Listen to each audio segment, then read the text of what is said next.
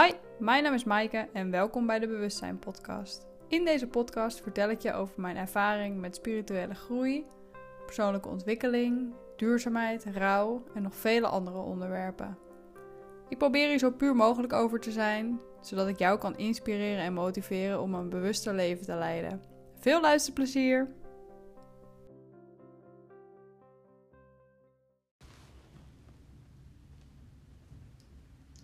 Wat leuk weer. Leuk weer dat je luistert naar de Bewustzijn podcast. Het is even geleden sinds ik wat heb opgenomen. En dat is in principe helemaal prima. Maar ik merk hoe meer ruimte ik voor mezelf neem en tijd, hoe meer inspiratie er ook weer tot me komt. Vandaag is het moederdag. En mijn moeder is bijna drie jaar terug overleden. En ineens voel ik dat ik wil vertellen over hoe het, hoe het is om iemand die zo belangrijk is eigenlijk te verliezen. Het was eigenlijk allemaal begonnen dat zij de diagnose kreeg. Ze had altijd wel wat met haar, ehm, met haar gezondheid. Maar nu was ze echt heel erg benauwd. Nou goed, het een kwam het ander. Uh, ik weet nog heel goed dat we op een gegeven moment onderzoek had in het ziekenhuis. We hadden dat gesprek, het gesprek van de diagnose, waarin de dokter vertelde dat het niet goed was. Uitgezaaide longkanker, je hebt twee soorten, dat is altijd de meest slechte vorm die je kan hebben. En dan probeer je het altijd zo mooi te verwoorden. Maar ja, dat kan natuurlijk niet. En ik weet nog heel goed dat mijn moeder toen vroeg, dus ik ga dood. En je zag die arts, dokter, echt uh, met een mond vol tanden in mooie taal zeggen ja. Of iets van, daar komt het wel op neer.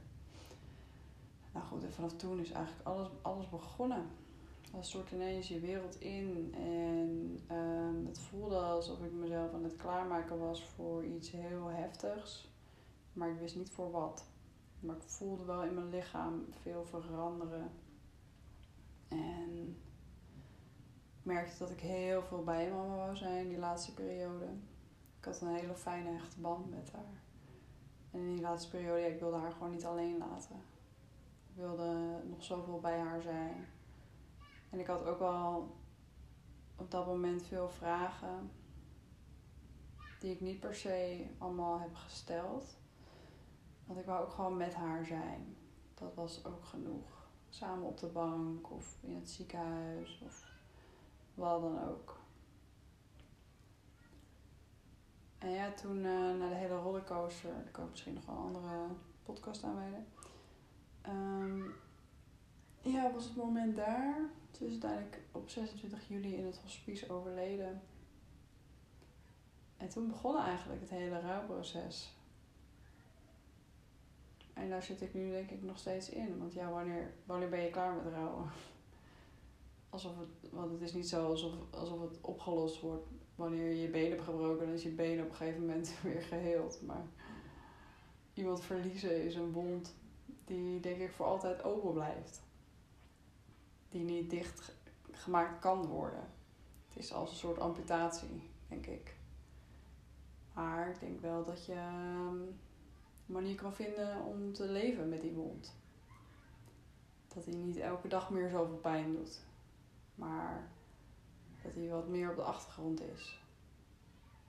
Zo voelt het nu voor mij, na bijna drie jaar. En het kan ook heel erg wisselen. Maar ik weet nog heel goed dat toen het net gebeurd was, was ik heel erg in een regelmodus. Uh, we moesten de uitvaart regelen. Eh, welke muziek, wat uh, ging ik zeggen. Ik heb nog hele mooie dingen gezegd. Dat is heel spannend. Wat ga je dan zeggen? Wie, wie zijn er allemaal bij? Nou goed, van alles moesten we regelen. Dus toen merkte ik ook, ja, achteraf, dan zit je nog helemaal niet in dat, in dat echte verdriet of zo. Maar dat is ook oké. En toen die uitvaart eenmaal voorbij was, toen begon het een soort ander deel. Ik merkte ook de laatste periode al dat mama er nog was. Dat je ook toch een soort afscheid gaat nemen. Je bereidt je voor. Um, En dat is niet per se dat ik dan me bedenk, ik bereid me voor, maar ik weet niet, je, je leeft ergens naartoe of zo. Je weet dat er aan zit te komen, dus elke, elke keer dat ik bij haar was, was als heel, voelde als heel bijzonder. En, ik, en daar was ik heel bewust bij in dat moment. Alhoewel sommige dingen nu achteraf wel als een waas voelen, omdat het zo emotioneel was. Maar goed, toen was uh, de uitvaart net geweest. En uh, toen was ik nog niet aan het werk. Die laatste weken ook niet. Voordat ze overleed. Um, dat was heel fijn. Dat ik gewoon alle ruimte had. Om te doen uh, ja, wat ik wilde doen. Ik vond het wel moeilijk om mezelf die ruimte te geven. Omdat ik het gevoel had dat er dingen van mij verwacht werden. Maar dat verwacht ik uiteindelijk van mezelf. En uh, ik was wel helemaal gebroken. Ik heb heel veel gehuild. Elke dag intens gehuild. Dat je helemaal zo'n rood hoofd hebt. En echt, echt dat diepe snikken in je lichaam. Dat had ik echt wel uh, die eerste maand. En dat kostte een hoop energie. En ik vond het... Uh, op een gegeven moment had ik besloten van oké, um, ik ga weer werken. In ieder geval een dag. Of, um, paar uur. Maar de emoties zaten nog zo hoog dat ik er best wel tegen opzag. Uh, want nou ja, mensen op je werk weten het. Uh, dadelijk gaan ze er naar vragen of juist niet naar vragen. Of, ik weet ik vond het gewoon moeilijk om andere mensen dan onder ogen te zien. En ik hoopte dat ze er niet naar zouden vragen, maar ook weer wel. Het was heel apart. Ik was soort van aan het overleven en tegelijkertijd druk maken over wat anderen zouden zeggen. Want het moeilijkste vond ik, als iemand er dan naar zou vragen en ik zou zeggen, bijvoorbeeld als iemand zou vragen, joh, hoe is het? Um, en ik zou zeggen, nou ik heb er nog super zwaar mee of whatever wat ik zou zeggen. Dan vond ik het het meest moeilijk dat iemand anders dan niet wist wat hij daarop zou moeten zeggen. Dat het met mij niet echt ging. Een soort van die andermans ongemak wou ik niet aangaan. Want andermans ongemak was voor mezelf weer ongemakkelijk of zo, of pijnlijk of iets in die richting. Dat weet ik nog heel goed, dat ik dat, dat, ik dat lastig vond met anderen.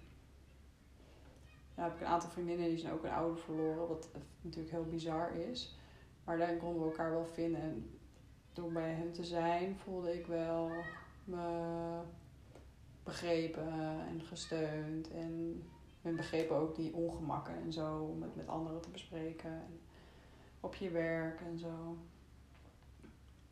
Goed, die eerste maand, ja, super veel gehuild, overleefd. Vriendinnen, omgeving, familie, iedereen was super lief. Wou alles doen, helpen. Maar ik vond het ook moeilijk om aan te geven wat ik precies nodig had. Ik wou wel met mensen zijn, maar ook weer niet. Het was heel dubbel. Het ging goed. Het ging, maar ook weer niet. Heel erg uh, rollercoaster gevoel. En vooral heel veel emotie uit mijn lichaam. Wat eruit moest of zo. Op een gegeven moment werd dat wel wat minder. Dan werd het om de dag heel erg huilen. Eén keer in de week. één keer in de twee weken. Dan moet ik zeggen dat ik elke dag aan haar denk. Dat ze echt elke dag vaak in mijn hoofd en in mijn gedachten is.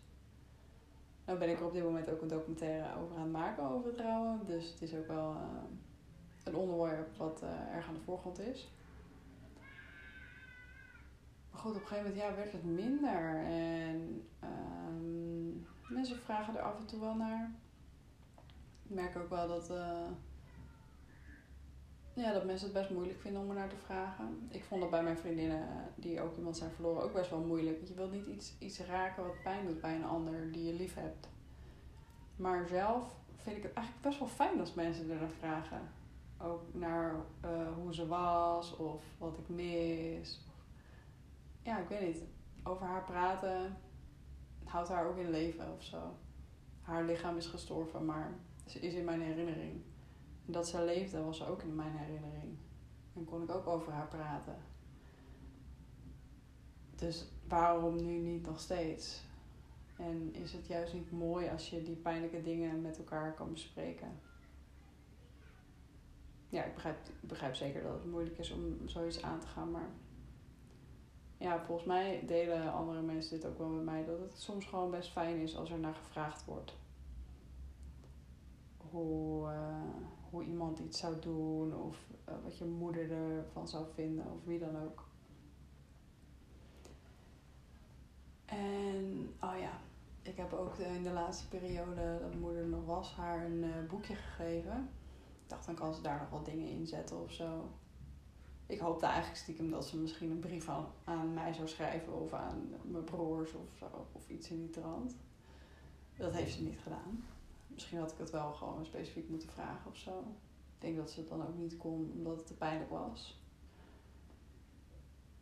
Maar ik weet wel dat ik het met die intentie had gegeven. Ik wou, ja, ik weet niet, nog een soort van bevestiging ergens op, ik weet niet. Maar goed, dat boekje, nadat ze overleed, uh, ben ik in het boekje aan haar gaan schrijven. En is het een, uh, ja, een soort dagboek aan mijn moeder ge geworden. En in het begin heb ik er wel vaak in geschreven. En nu soms op speciale dagen. Zoals op moederdag, op, op momenten dat ik haar heel erg mis, merk ik dat ik het heel fijn vind om uh, ja, die lijn met haar weer op te zoeken door woorden. Vertellen hoe het gaat of waar ik over twijfel. Of ja, eigenlijk de dingen met haar te delen die ik, uh, die ik altijd met haar deelde. En ik merk dat me dat wel steun brengt, want ik, ik weet en voel hoe zij, hoe zij was, wie zij was, wie ze nog steeds voor mij is. Dus die verbinding um, die alleen ik begrijp, kan alleen ik ook opnieuw vinden door hem op te zoeken.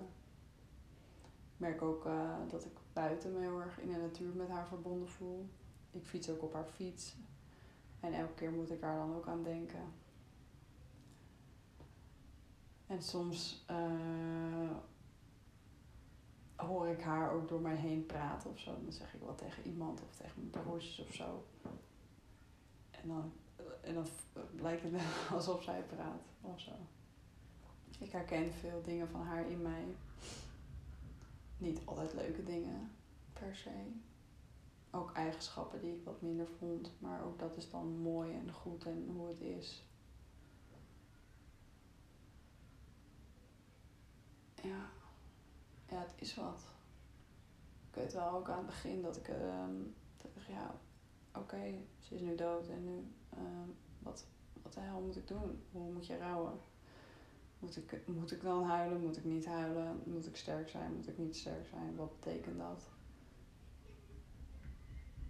Hoe, hoe, ja, hoe moet het? Er zijn nog steeds vragen. Ik ben nu drie jaar verder. Ik kan terugkijken hoe ik ermee om ben gegaan. Drie jaar voelt lang, maar het voelt ook als de dag van gisteren. Ik merk dat ik er de laatste tijd weer op een andere manier moeite mee had. Moeite mee heb. Uh, nu ik ouder word. Uh, ben nu 25. En ik heb nu eigenlijk hele andere vragen dan die ik toen had. Bijvoorbeeld over opvoeding en zo. Waarom heeft ze bepaalde dingen gedaan, hoe ze ze heeft gedaan. Uh, wanneer, hoe voelde ze dat ze klaar was voor kinderen? Wat wou ze eigenlijk in het leven? Allemaal ja, weer andere vragen dan die ik toen had. Um, en ik merk dat ik dat wel uh, best wel lastig vind. Dat ik dat niet meer aan haar kan vragen. Ik kan natuurlijk wel aan andere mensen vragen over hoe zij dachten dat zij dat zou zien. Maar ja, dat is natuurlijk niet hetzelfde. Ik ben er wel het meest dichtbij. En ik ja, besef me ook echt eh, tot in mijn diepste, diepste alles dat ik, nou, dat er ook een punt gaat komen dat ik langer zonder haar ben dan met haar. Het voelt nu alsof ik, uh, nou, natuurlijk nu het grootste gedeelte van mijn leven ben, is zij bij mij geweest. En in een hele cruciale periode. Maar ze gaat straks, ja, straks is er echt een lange periode niet. En ik ben ja, ben benieuwd hoe dat dan is.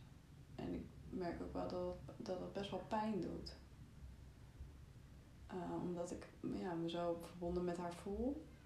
En er, natuurlijk is ze er wel, maar ik vind, dat ook, ik vind het ook soms moeilijk om toe te laten dat ze er is. Dat ze een soort van wel is. Nu ineens begint het zonnetje heel veel op mijn gezicht te schijnen. dan denk ik weer bij zulke dingen, ja, is ze daar of niet? Ik weet het niet.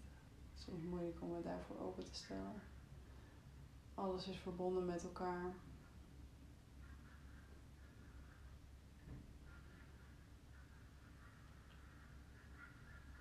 Hoe, hoe rouw je actief? Moet je actief rouwen? Hoe moet ik me voelen? Moet je je op een bepaalde manier voelen? Of is het, of is het gewoon je leven leiden en, en doormaken wat er zich aandient? Is het, er, is er soms wel van wegrennen of moet ik er juist naartoe? Naar de pijn, naar het verdriet of, of alleen maar de mooie momenten? Veel vragen. Die zich denk ik uiteindelijk allemaal vorm zullen geven in, uh, in hoe ik mijn leven leid de komende jaren.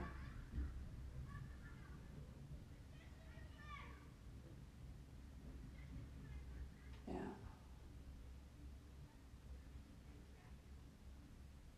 Ik hoop dat, uh, dat dit stukje vertellen over hoe het voor mij een beetje is gegaan jou inzicht geeft misschien over hoe zoiets kan gaan. Ik wist dat namelijk ook niet. Ik dacht, ja, nou, nu is er iemand dood en hoe doe je dit dan? En nu kan ik naar, na drie jaar kijken, oh, nou, bij mij is het zo gegaan. En er is denk ik ook geen goed of geen fout. Het gaat hoe het gaat. Als jij ook zoiets me hebt meegemaakt, ben ik wel benieuwd hoe jij daarop terugkijkt en hoe lang het geleden is en wat voor vorm het rouw uh, ja, heeft aangenomen in jouw leven, hoe je het uit of, uh, of zo. Ik heb trouwens ook een liedje geschreven uh, over mijn moeder. Dat voelde wel heel fijn, als één op één of zo voor haar, voor mezelf. Ja. Maar goed. Um, ja. Ik wil je bedanken voor het luisteren. Ik vond het heel fijn om het zo te vertellen.